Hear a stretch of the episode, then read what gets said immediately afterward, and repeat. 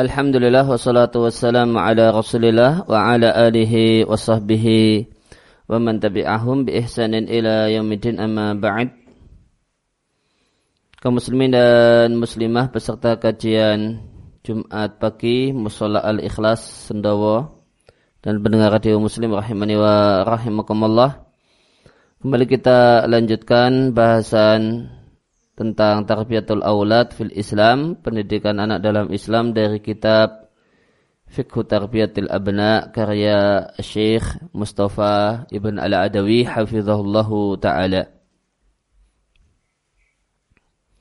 Selanjutnya masih di poin pembahasan tentang pesan untuk ibu Fa'akhbari, eh, fa'akhbariha dan kabarkanlah dan ajarkanlah pada putrimu bahasanya tidak boleh bagi seorang suami untuk menyetubuhi istrinya ketika dia dalam kondisi haid.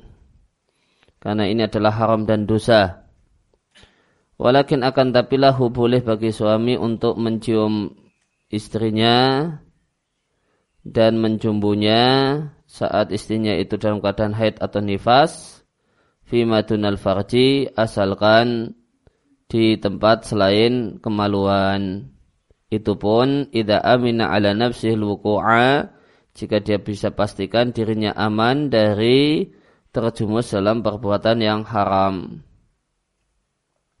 Catatan kaki dan hal tersebut berdasarkan hadis yang diatkan oleh Muslim dari Anas radhiallahu anhu sesungguhnya orang-orang Yahudi kan mereka jika istrinya haid, jika ada seorang wanita yang haid fihim di tengah-tengah mereka, maka mereka tidak mau makan bareng dengan wanita tersebut dan tidak mau kumpul.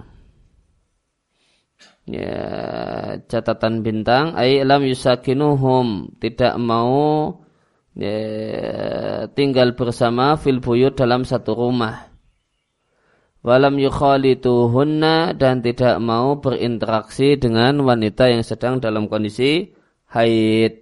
Ya, jadi ketika istrinya haid maka mereka letakkan istrinya di semacam gubuk yang ada di belakang rumah. Ya, tidak mau satu rumah dengan istri yang haid. Fasa'ala ya,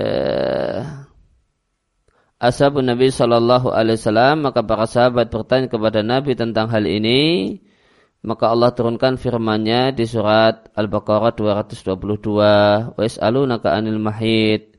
Mereka bertanya kepadamu tentang haid Kemudian Nabi Shallallahu Alaihi Wasallam bersabda menjelaskan hal ini dengan mengatakan isna ukula syai'in illa nikaha. Lakukanlah segala sesuatu kecuali hubungan biologis Ya, maka hadis ini dalil bahasanya hukum asal atau kemudian makna bahasa untuk nikah adalah jima.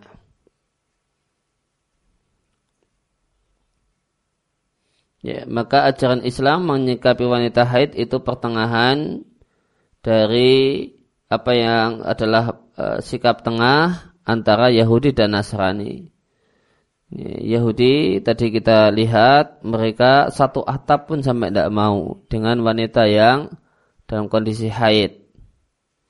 Sehingga wanita yang dalam kondisi haid itu disingkirkan dan diletakkan di gubuk yang ada di belakang rumah. Mereka tidak mau makan bareng, duduk bareng. Maka ini sikap berlebih-lebihan menyikapi darah kotor yang muncul dan berasal dari seorang wanita. Ya, sebaliknya ya, Nasrani mereka tidak mengenal dan tidak menganggap darah haid yang kotor sebagai satu hal yang kotor. Ya, maka ya, maka Nasrani kemudian membolehkan untuk hubungan biologis dengan istri meskipun dalam kondisi haid. Ya.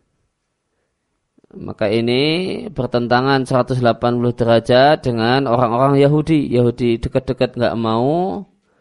Kalau orang Nasrani dekat-dekat sampai bahkan terlalu dekat, berlebihan sampai hubungan suami istri. Itu mau melakukannya. Padahal istri dalam kondisi haid. Maka ajaran Islam pertengahan di antara dua hal tadi. Interaksi dengan istri cuma makan bareng, duduk bareng, satu atap dan sebagainya, satu hal yang diperbolehkan. Nah, namun hubungan biologis, nah ini terlarang dengan larangan yang keras. Dan diriatkan oleh Abu Dawud dengan sanad yang sahih dari salah satu istri Nabi Sallallahu Alaihi Wasallam. Sehingga Nabi Sallallahu Alaihi Wasallam jika menginginkan minal haid dari wanita yang haid, dari istrinya yang haid, menginginkan sesuatu yaitu ingin mencumbunya, maka Nabi letakkan pada kemalan istrinya kain penutup. Dan tempat tersebutlah yang akan Nabi hindari. Kemudian diatkan oleh Ibnu Jarir atau baru dalam tafsirnya dengan sanad yang sahih, seorang tabi'in Masrok mendatangi rumah Aisyah radhiallahu anha dan mengatakan, sesungguhnya aku ingin an as'aluki bertanya kepadamu tentang sesuatu namun aku malu. Aisyah mengatakan, aku hanyalah ibumu, engkau adalah anak laki-lakiku. Fakal akhirnya masuk mengatakan, ma apakah li menjadi hak li rajul seorang suami min imrati dari istrinya ketika istrinya itu haid. Maka Aisyah mengatakan lahu baginya kulu segala sesuatu kecuali kemaluan istrinya. Kemudian diatkan oleh Bukhari dan Muslim dari Maimunah radhiallahu anha, Maimunah mengatakan adalah Rasulullah sallallahu alaihi wasallam jika ingin mencumbu salah satu istrinya, yaitu yang uh, maka Nabi perintahkan dia fattazarat untuk bersarung, yaitu menutupi daerah antara pusar sampai lutut. Wahiyah haidun dan dia dalam kondisi haid. Padahal wanita atau istri tersebut dalam kondisi haid. Maka ada dua versi tadi versi uh, Abu Dawud ya, cuma menghindari kemaluan. Ya, Alqa ala farjiha thauban cuma menghindari kemaluan itu versi riwayat Abu Dawud. Ya, versi riwayat Bukhari dan Muslim fattazarat bersarung artinya menghindari ya, menyentuh meraba mencium Eh, daerah antara pusar sampai lutut. Hmm. Maka dua di sini kita kompromikan bahwasanya asal hukum bolehnya, boleh yang dilakukan adalah sebagaimana dalam riwayat Abu Dawud. Segala sesuatu boleh dilakukan kecuali daerah kemaluan. Namun uh, namun sikap hati-hati ya, sikap hati-hati dan kewaspadaan dalam rangka supaya tidak terjumus dalam hal yang haram adalah menghindari daerah antara pusar sampai lutut. Kemudian diatkan oleh Al-Bukhari dari Aisyah radhiallahu anha Aisyah mengatakan aku mandi bersama Nabi sallallahu alaihi wasallam dari satu ember, dari satu wadah, kilana junubun, kami berdua dalam keadaan junub. Maka ini menunjukkan ya, dibolehkannya mandi bareng suami istri dan ini menunjukkan bahasanya tidak ada aurat antara laki-laki eh, antara suami dan istri. Wakana ya'muruni dan Nabi memerintahkan aku, lalu aku pun bersarung. Yang dimaksud bersarung menutupi daerah atau bagian badan dari pusar sampai lutut. Lalu Nabi mencumbuku wa ana haidun dan aku dalam keadaan haid.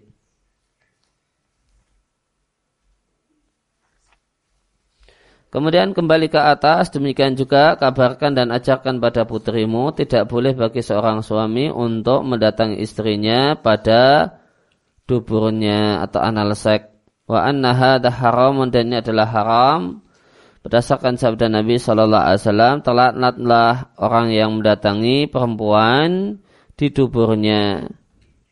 Fakat bari sungguh orang tersebut telah berlepas diri dari apa wahyu yang diturunkan pada Muhammad alaihi salatu wassalam. Hadis ini sahih li sawahidihi alias sahih li ghairihi diat Imam Ahmad dari Abu Hurairah marfu'an namun sanadnya mungkote dan mungkote itu daif yang ringan. lakin lau syawahid yasihu biha akan tapi ada syahid atau penguat yang menguatkan hadis ini wallahu taala a'lam oleh karena itu jika suami meminta dari istrinya dalika hal tersebut anal sek fala tuti'hu maka jangan taati. Demikian juga ajarkan pada ajarkan dan latihlah putrimu a'malil manzil untuk kegiatan rumah untuk melakukan berbagai macam aktivitas rumah dan apa yang dibutuhkan oleh rumah min berupa ya, kebersihan, watahyin dan memasak, wa khidmatil adyaf, kemudian melayani tamu dan berbagai macam aktivitas rumah dan kebutuhan rumah yang lain. Fahada da'bun nisa'i maka inilah kebiasaan eh, ya, para wanita sejak masa silam dan demikianlah keadaan uh, wahafa tetap nisa wasaknun nisa dan sifat wanita. Tentang sisi hukumnya maka ulama berselisih pendapat ya, dan pendapat yang dipilih oleh penulis Mustafa Al-Adawi wa mustahabun lahuna dzalika hal itu hukumnya adalah dianjurkan fi hududi dalam batas kemampuan istri kalau itu sesuatu yang di luar batas kemampuan istri, ya, maka ya, maka itu tidaklah disyariatkan. Ya, ketika istri itu adalah orang yang ya, kalau ya, kemudian capek nanti sakit, nah itu maka ya, karena dia punya penyakit tertentu yang tidak boleh capek, ya, maka ketika hampir capek maka dia wajib untuk berhenti dan suaminya tidak boleh dan haram bagi suaminya untuk memaksanya agar tetap beraktivitas yang ini akan menyebabkan jatuh sakitnya si istri. Ya, maka e, penulis mengambil pendapat jumhurul fuqaha yang mengatakan bahasanya kegiatan rumah itu tidaklah wajib bagi istri. Ya, kan ada dua pendapat ulama tentang uh, masalah amalul bait, tentang masalah kegiatan rumah. Apa itu uh, wajib dilakukan oleh istri? Sebagian ulama yaitu Imam Malik mengatakan itu wajib bagi istri. Dan ini kemudian dipilih oleh Syekhul Islam Ibn Taimiyah rahimallahu taala demikian juga Al Albani di kitabnya Adabuz Zifaf yang telah pernah kita bahas di majelis ini, majelis Jumat pagi. Ya, maka eh, maka itu wajib berdasarkan eh, qadrul mustata sebatas kemampuan. Adapun jumhur fukoha tiga imam madhab selain Imam Malik maka aktivitas rumah itu bukan kewajiban seorang istri masak kemudian ya nyuci pakaian, nyapu dan sebagainya tidak wajib. Namun itu ya, mustahabun ya, dianjurkan ya, bukan sebuah kewajiban dan itu pun fi di tokoh di dalam batas kemampuan. Dan di antara hal yang menunjukkan kalau itu tidak pun nisa kebiasaan wanita dari zaman ke zaman maka lihatlah Sarah alaihissalam, istri Imam Tauhid Ibrahim alaihissalam. Beliaulah yang takumu ala mengurusi servis untuk tamu suaminya. Ya. ya ngurusi tamu artinya ya, ya bikinkan teh kalau dalam bahasa kita eh, dan sebagainya yang diperlukan untuk disuguhkan kepada tamu. Sebagaimana firman Allah Ta'ala, wa mra'atuhu qa'imah. Dan istrinya Ibrahim itu berdiri, yaitu berdiri untuk melayani tamu-tamunya Ibrahim. Wahaya dan berikut ini Fatimah binti Rasulullah Sallallahu Alaihi Wasallam datang ke tempat bapaknya mengadukan eh, mengadukan tangannya yang dalam bahasa Jawa kapalan ya mengadukan tangannya yang kapalan ya kapalan itu tebal ya karena untuk kegiatan kasar. E, mengadukan bekas aroha, ya, bekas ya, alat untuk untuk numbuk gandum yang bekas itu berbekas pada kedua tangannya. Maka alat penggiling gandum di masa silam itu perlu didorong. Ini alatnya perlu didorong. Ya, yang dorong itu kalau tidak orang adalah keledai. Ya, maka tidak punya keledai, kalau orang ya bisa orang seorang itu sendiri atau budaknya. Nah, karena Fatimah tidak punya budak, artinya akhirnya Fatimah sendiri yang dorong. Maka megangi kayu ya, yang yang cukup kasar dan didorong. Nah, ini kemudian ini menyebabkan tangannya Fatimah kapalan. Ya. Ya, kapalannya karena ya, kerja urusan persiapan atau menyiapkan mas, uh, makanan untuk suaminya dan dirinya, dirinya dan suaminya. Uh, dari uh, redaksi lengkapnya diatkan oleh Bukhari dan Muslim dari Ali radhiallahu anhu. Anna Fatimah bahasanya Fatimah alaihissalam datang ke tempat Nabi sallallahu alaihi wasallam tashku ilaihi mengadukan pada Nabi apa yang talqa dia jumpai di tangannya minaroha karena mesin tradisional penggiling gandum. Wabalaghoha dan telah sampai ke telinga Fatimah annahu ja'ahu datang pada Nabi budak.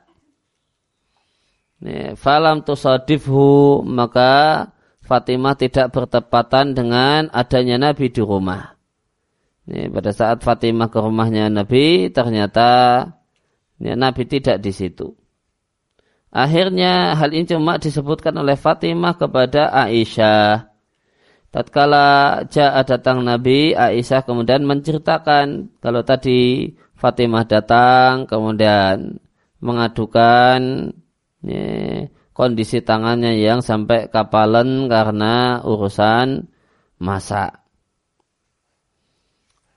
Qal faja'ana. Akhirnya Nabi yang datang ke tempat kami. Dan ketika itu mungkin ini eh, siang hari atau tidur siang ya. Akhodana madaji'ana sedang akhodna kami sedang di posisi di tempat tidur. Maka mulailah kami mau berdiri namun Nabi malah mengatakan alam mana ya, maka nikuma. Hendaklah kalian berdua Fatimah dan Ali tetap di tempat.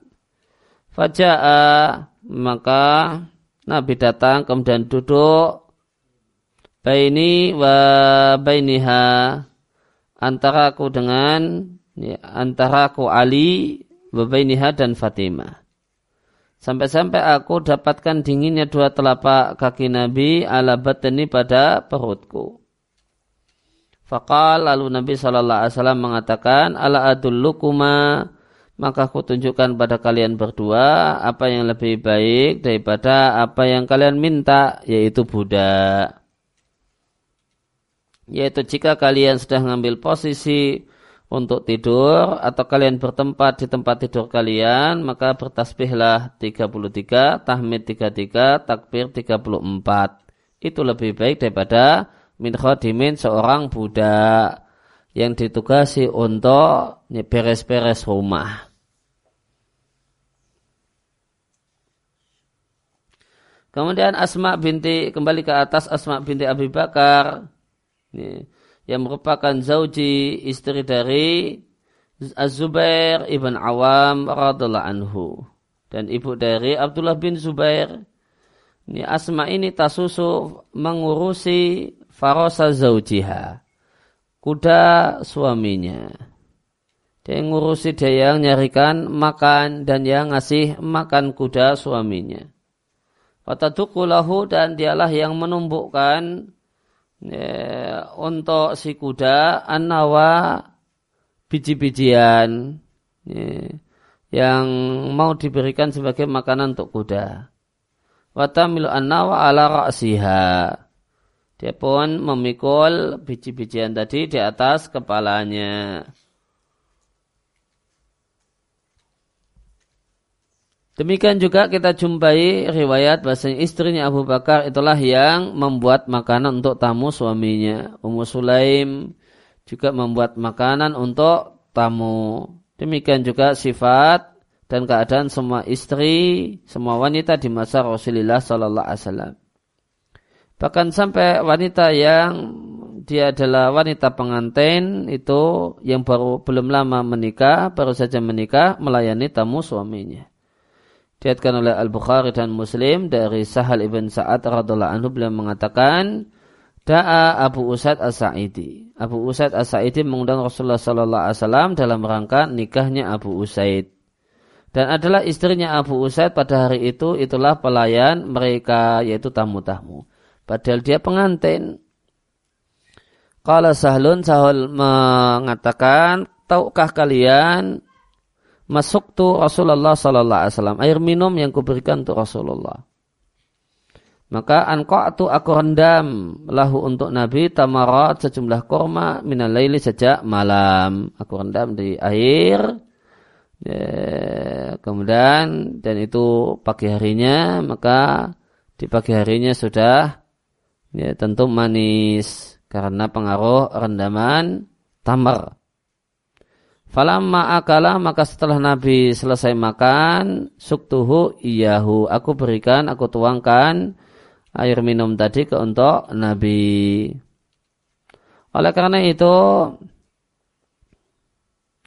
Fali uh, awat asariru anak kecil dilatih untuk melakukan kegiatan rumah waliyakum dan dalam dia melakukan apa mampu dia lakukan mindalika dari kegiatan rumah. Tentu bima ya tahamal yang mampu dengan kesusahannya dan kemampuannya. Dan yang mampu dan cocok dengan waktunya. Dan apa yang mampu e, berdasarkan umurnya. Sehingga pada saat itu ya, anak itu yasur merasa kalau dia punya peran serta dalam kegiatan rumah dan dia punya satu kadar dari tanggung jawab tentang rumah. Wa idza fa'ala dzalika dan jika yang melakukan hal tersebut adalah anak perempuan maka itu lebih baik baginya. It karena hal tersebut tetemaran menyebabkan si anak perempuan ini terlatih untuk melakukan aktivitas rumah. Wa min sama dari sana maka tusallama laha atau taslama laha hayatuha maka akan selamatlah dan baiklah kehidupan si anak perempuan ini nantinya bersama suaminya fima ba'du nantinya. Fi hadal bab dalam bab ini biiznillah dengan izin Allah. Tidaklah diragukan perempuan yang tahtamu perhatian dengan bersihnya rumahnya, bersihnya anak-anaknya, ya, anak-anaknya bersih dan di istilahnya perhatian dengan anak-anak mandinya, ya, dan kebersihannya, kebersihan kukunya, kebersihan hidungnya, ya, jangan dibiarkan uh, pilek, ya, ya sentrap sentrup. Ini bapaknya sentrap sentrup gimana? Anaknya yang diurusi, bapaknya tidak diurusi. Ya. ya Binadhafati baitiha bersihnya rumahnya, bersihnya anak-anaknya, dan bersihnya dirinya. Ya, maka wanita semacam ini khairun lebih baik daripada ya, perempuan yang muhmalah atau muhmilah yang tidak peduli ya, ya, tidak peduli dengan kebersihan. Maka ketika anda masuk ke rumah perempuan ini maka anda jumpai lalat itu hingga di segala tempat ya dan engkau lihat di rumahnya segala sesuatu berantakan. Maka engkau lihat anak, eh, engkau lihat perempuan wataroh dan engkau lihat ya, perempuan tersebut kot malaat al itu. Ya, rumahnya itu penuh dengan taksishan sarang, sarang laba-laba. Ya, maka di mana-mana ada sarang laba-laba. Menunjukkan kalau tidak peduli dengan rumahnya catatan kaki. Qalat Ummu Zara uh, Ummu Zara hadis di hadis ada hadis yang biasa disebut dengan sebutan hadis Ummu Zara. Tasifu jariyataha dia menggambarkan budak perempuannya. Wala tamla'u baitana wala tamla'u baitana takshisha maka perempuan maka budak perempuan kami tidaklah memenuhi rumah rumah kami membiarkan penuhnya rumah kami dengan sarang ya. ini tuh sarang laba-laba apalagi sarang burung nah, sampai rumah itu ada sarang burung itu tragedi yang lebih besar lagi ya.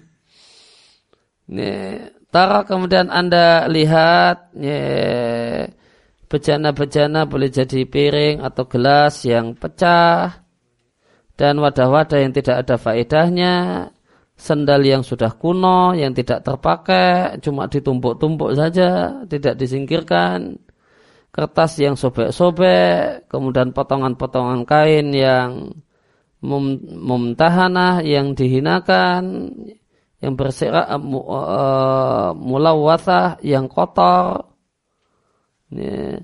Kullu benda-benda inilah yang memenuhi ruang kosong di dalam rumah. Ya. Sumahiyah sehingga ya kemudian benda-benda ini tentu adalah tempat hasyarat binatang yang kecil-kecil. Kemudian itu pun ya bikin sepet pandangan, menyakiti pandangan mata dan ini bertentangan dengan keindahan. Oleh karena itu selayaknya seorang ibu mengajari dan melatih anak perempuannya tentang kebersihan, dan kepedulian terhadap keadaan rumah. Ingat, innallaha jamilun yuhibul jamal. Sebenarnya Allah itu indah dan menyukai kerapian, kebersihan dan semacam itu. Sebagaimana sabda Nabi Shallallahu Alaihi Wasallam. Dan betapa banyak ya, problem dapat ya, merangkak ya, itu terjemah letterlocknya atau yang terjadi di satu rumah tangga atau berbagai rumah tangga disebabkan karena istri yang ihmal, istri yang tidak punya kepedulian dengan keadaan rumah. Disebabkan karena kotornya rumah. Bahkan betapa banyak perceraian kotwa terjadi gara-gara masalah tidak terampilnya istri dengan kegiatan rumah.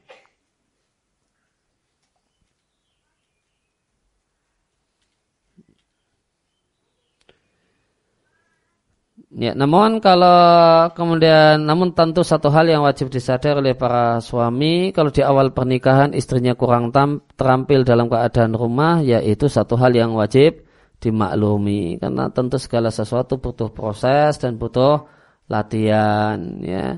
Ya, apalagi kemudian jika istrinya, ya, ya kemudian di masa perawannya itu belajarnya di pondok tidak pernah ngurusi rumah atau jadi anak kos yang kemudian hobinya jajan di warung. Nah, ya maka ya tentu perlu kesabaran dari pihak suami. Sebagaimana Asma ketika awal-awal nikah tidak bisa masak, akhirnya dimasakkan sama tetangganya Asma. Nah, dimasakkan sama tetangganya Asma. Jadi ya tetangganya baik hati karena ini bingung gimana caranya masak. Ada sini kemudian dimasakkan itu Asma ke di awal-awal pernikahannya.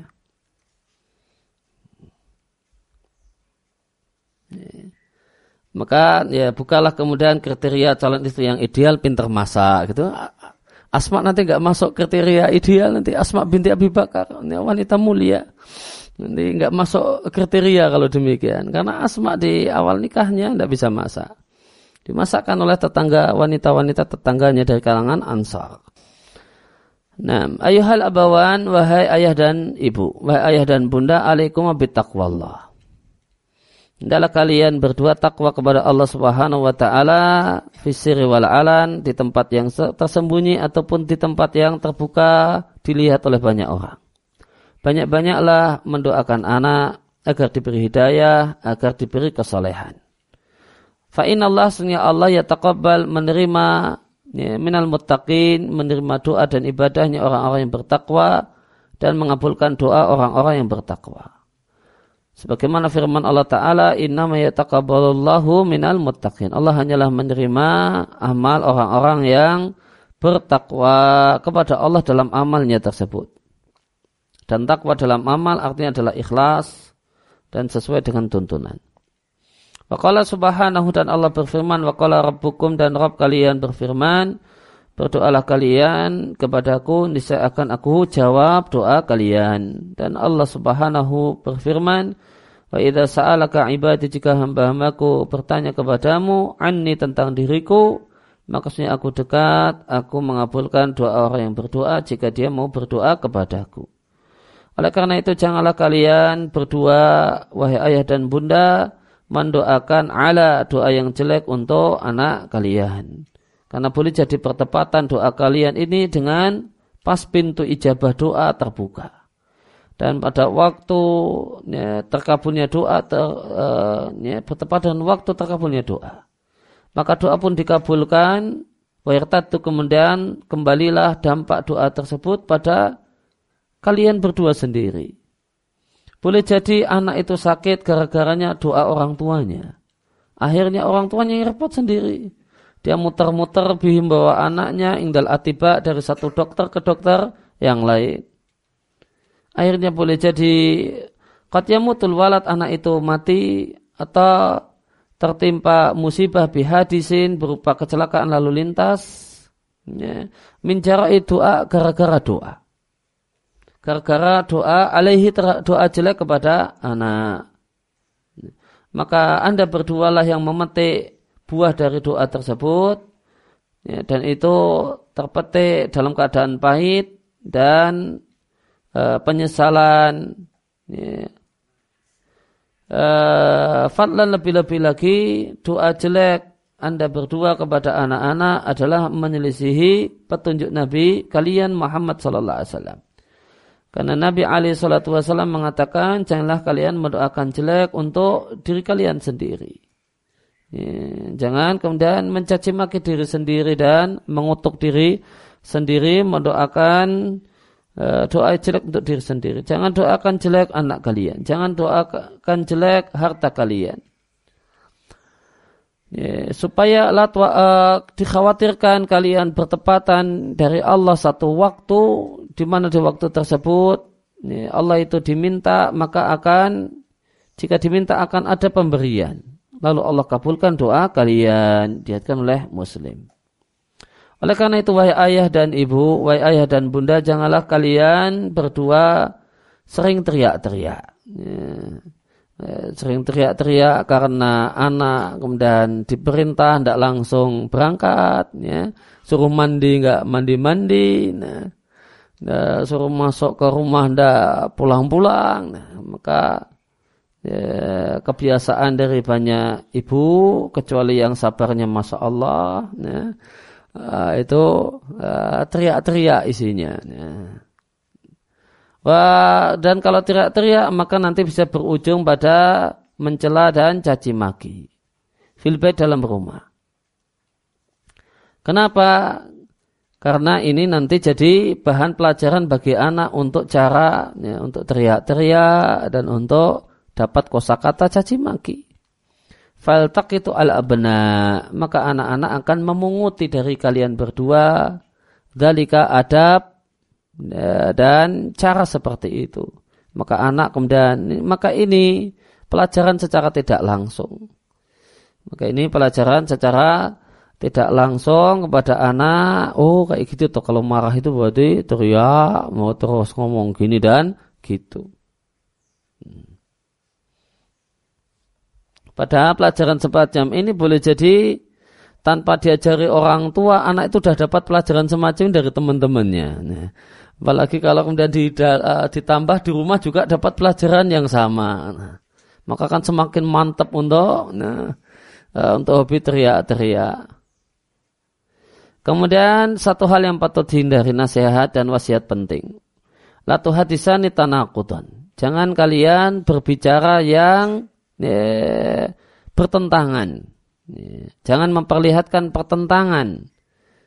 Amamal atfal di depan anak-anak. Walatadaruban demikian juga bertabrakan pendapat di depan anak-anak.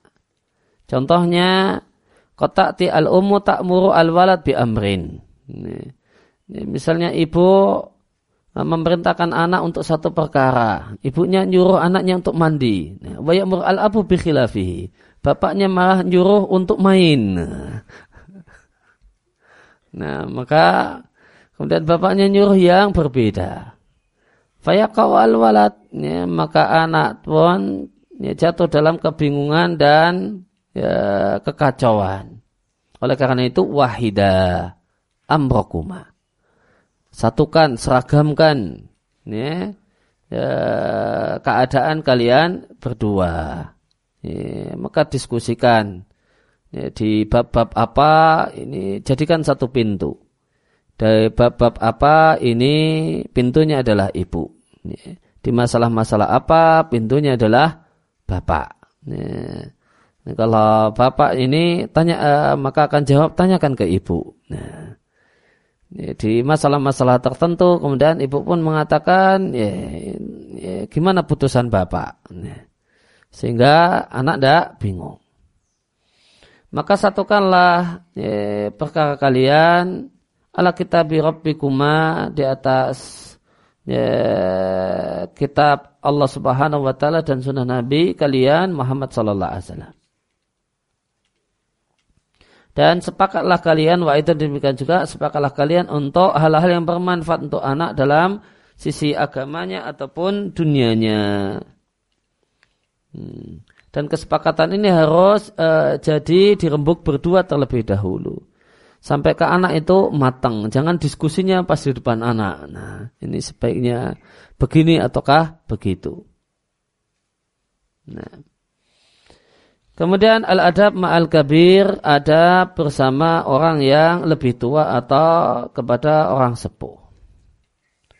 Yang bari ayu alima arajulu auladahu. Maka sepatutnya bapak mengajari anak-anaknya untuk punya adab dan etika ma'al gibar bersama orang yang sudah sepuh. Dan tidaklah wa yu'arifahum memberitahukan pada anak-anaknya tentang hak orang yang sudah tua. Ini, baik itu ini, saudara dari anak-anaknya yang lebih tua, ini, maksudnya kakak, ini, mbak, ataupun orang lain min kibaris ini yaitu orang yang lebih tua karena falil kabiri hakun uh, usia yang lebih lanjut itu punya hak istimewa. Sebagaimana anak muda itu punya hak untuk disikapi dengan sikap lembut dan kasih sayang. Maka demikian juga orang yang sepuh punya hak untuk yuwakar, dihormati dan dimuliakan. Wahaya berikut ini sejumlah dalil yang tahu mendorong untuk menghormati orang yang lebih tua, wataukir dan menghormatinya. Rasulullah Sallallahu Alaihi Wasallam bersabda, "Laisa minna, bukanlah bagian dari kami malam ya'rib hakko kabirina." Orang yang tidak mengetahui hak uh, orang yang sepuh di antara kami. Tidak mengetahui di sini tentunya tidak beramal. Bukan semata-mata tidak tahu, namun tidak beramal. Uh, tidak pula yarham sayang dengan anak-anak muda atau yang masih berusia muda di antara kami. Ya, di sini di catatan dikatakan sahih bermajmu' turuqih. Artinya sahih li ghairihi diat kelimam Ahmad dan Bukhari dalam Adabul Mufrad. Dan Nabi Shallallahu Alaihi Wasallam mengatakan, Arani, aku melihat diriku, artinya aku mimpi. Aku bersiwak dengan satu siwak, lalu datanglah dua orang. Yang satu lebih tua daripada yang lain. Maka aku serahkan kayu siwak kepada yang lebih muda di antara keduanya maka disampaikan kepadaku kabir dahulukan yang lebih sepuh. Akhirnya aku serahkan kayu siwa tersebut kepada yang lebih tua minhuma dari keduanya. Catatkan kaki diatkan oleh Bukhari mu'alakan ya, tanpa sanat. Al-Hafidh mengatakan riwayat Mausul itu diriatkan yang lengkap sanatnya diatkanlah Abu Uwana dalam sahihnya dari Muhammad bin Ishaq as-Saghani dan yang lain. Dan hadis ini juga dilihatkan oleh Muslim.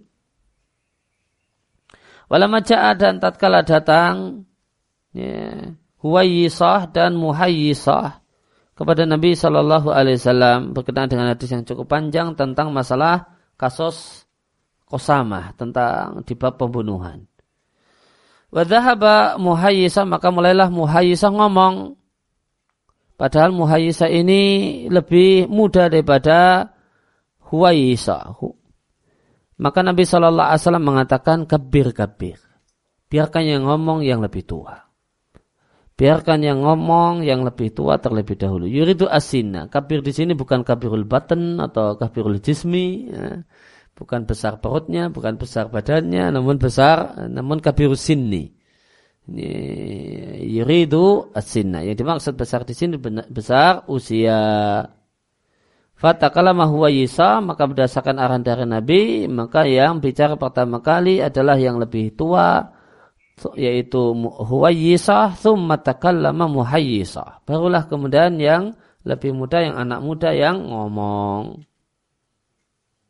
Demikian juga di antara adab adalah hendaklah anak muda layak taqaddam, tidak mendahului bil hadis dalam masalah obrolan dan perkataan sebelum yang tua ngomong.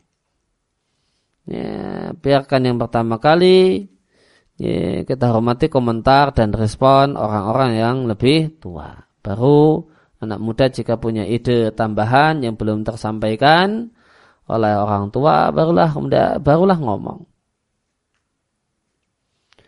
Berdasarkan hadis yang ada dalam Sahih Bukhari dan Sahih Muslim dari Ibnu Umar radhiallahu anhu yang telah beberapa kali kita baca hadis ini di buku ini, aku di dekat Nabi Shallallahu Alaihi Wasallam Fa'utia bijimarin, maka didatangkanlah ke hadapan Nabi jimar. Jimar ini jantung eh, semisal jantungnya dalam ini jantung pohon korma. Kalau di tempat kita kelapa itu ada jantungnya yang enak dimakan. Apa pak namanya pak? Hah? Iya. Pondoh ya. Iya ya sejenis itu. Kalau di tempat kita ada kelapa itu di batangnya itu ada jantungnya, empuk, enak dimakan. Ya, kalau ya, kecuali mungkin anak muda sekarang belum pernah makan. nah, kalau ini ya, saya pas kecil sering tuh uh, dapat itu enak itu rame-rame kalau ada orang nebang pohon ya pak ya. Nah, maka ada bagiannya itu bagian di pucuk ya pak ya Ya, di pucuk itu ada jimarnya, ada jantungnya yang itu empuk, ya, enak. Ya, fa'utiyah bijimarin, maka Nabi SAW dan pohon kelapa juga sama. Ada jantungnya yang enak dimakan. Dan itu ya, sering dimakan oleh Nabi. Ya, fa'utiyah bijimarin, maka didatangkanlah jimar, yang ini tentu maksudnya untuk dimakan oleh Nabi dan para sahabat yang ada di tempat itu. Fakal, lo karena habis e, karena lihat ini jimar jantungnya e, kurma, maka Nabi kemudian melontarkan pertanyaan dan teka-teki. Pasti di antara pohon ada satu pohon yang pohon tersebut adalah permisalan seorang muslim. Fa'aratu kata Ibnu Umar, maka aku ingin mengatakan itu adalah pohon korma. Faidah ternyata aku adalah yang paling muda di antara orang-orang yang ada. Akhirnya aku pun memilih untuk diam. Dan ternyata Nabi Shallallahu Alaihi Wasallam memberikan jawaban karena sahabat-sahabat yang sepuh tidak ada yang bisa jawab dengan tepat. Maka Nabi kemudian jawab dengan mengatakan hian nakhlah. Itu adalah pohon korma. di catatan kaki diatkan oleh Bukhari dan Muslim dalam riwayat yang dalam riwayat Muslim salah satu riwayat Muslim wa ulqiya fi nafsi dan terbetik dalam diriku au ru'i diriku atau hatiku annahan nakhlah kalau itu adalah pohon kurma Faja'al tu mulailah aku uridu aku ingin an aku lah untuk menyampaikannya. Faida ternyata orang-orang yang adalah adalah asnanul kaum, orang-orang sepuh-sepuh orang-orang yang berusia. Fa'ahabu maka aku pun takut. Aku pun takut an lama untuk berbicara. Asnan al kaum yakni kaburo asna asna nuhum. Ya, sudah kemudian lanjut umur-umur atau usia-usia mereka. Kemudian kembali ke atas dalam Sahih Muslim dari Samurah bin Jundab radhiallahu anhu uh, Samurah mengatakan laqad kuntu Sungguh aku di masa hidupnya Rasulullah Sallallahu Alaihi Wasallam adalah hulaman, adalah anak laki-laki. yang belia. Fakuntu afadu maka aku pun menghafal ini dan itu fama yamnu'i minal qaul dan tidak ada yang menghalangi aku untuk ngomong illa anna hunaka rijalan kecuali gara-gara karena di sana ada sejumlah orang-orang yang lebih berumur daripada diriku. Lihat adabnya, adab yang dikenal oleh eh, anak-anak uh, kecil di masa Nabi. Ini, lihat adab yang dikenal dan telah tepat pada anak-anak kecil di masa Nabi. Bahasanya ya, ketika ada orang-orang yang lebih sepuh, maka anak muda cukup menjadi pendengar yang baik. Demikian juga sabda Nabi Shallallahu Alaihi Wasallam yang muda hendaklah mengucapkan salam kepada yang lebih tua. Fali hadil hadis karena hadis-hadis ini dan yang lainnya maka layak bagi seorang bapak untuk mengajari anak-anak yang kecil menghormati orang yang lebih sepuh. Minhum baik orang yang lebih sepuh itu adalah minhum bagian dari keluarganya atau min ghairihim atau non keluarga. Wakhasatan dan terutama jika ber, uh, uh, tafawat berbeda umur mereka dengan bentuk yang sangat kentara, sangat besar.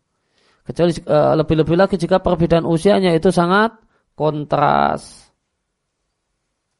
Fakullah maka setiap kali usia itu ber, terdapat perbedaan usia itu lebih besar, maka itu mengharuskan ihtiraman penghormatan.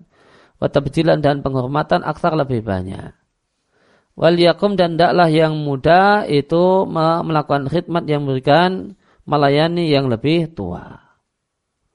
Wakhasatan dan terutama saat ada wujud farikin kabir, perbedaan yang besar dalam usia. Wa ingda istita'ati sahir dan mampunya yang muda untuk melaksanakan khidmat untuk yang sepuh. Ya, maka Eh, bukan hanya maka di antara bentuk menghormati yang lebih tua adalah memberikan khidmat melayani yang lebih sepuh. Wahada adapun ini ada adab yang telah berjalan di atasnya salafun salih pendahulu kita yang saleh rahimahullahu. Nah, buktinya fafi sahih Muslim dalam sahih Muslim dari Anas bin Malik radhiyallahu anhu. Ah, Anas mengatakan ini laqaimun ala hayyi maka sungguh aku e, mengurusi satu kampung ala umum mati paman-pamanku. Askihim min dohi e, fadikhin lahum. Akulah memberikan minum, artinya aku yang melayani, memberikan minum min fadikhin dari fadikh. Catatan kaki, fadikh yang dimaksud dengan fadikh adalah rutab yang telah dibuka kemudian diambil bijinya. Summa wudi'a alaihi ma ya, kemudian diletakkan padanya air kemudian dibiarkan sehingga sampai pagi muskiron sudah memabukkan. Wahada karena dan ini sebelum diturunkannya pengharaman khamar. Dan di antara ulama ada yang menjelaskan bahasanya yang dimaksud dengan fadih adalah air la alma ma'arutab dibuatlah mendidih air bersama rutab yang telah diambil bijinya. Maka rotab dimasukkan ke air yang mendidih dalam keadaan bijinya telah diambil. Wa'an asarum sinan dan akulah yang paling muda usianya di antara mereka. Maka Anas ini yang menuangkan minum untuk paman-pamannya. Yang tentu lebih tua daripada dirinya. Lalu datanglah seorang dan mengatakan bahasanya khamar telah diharamkan.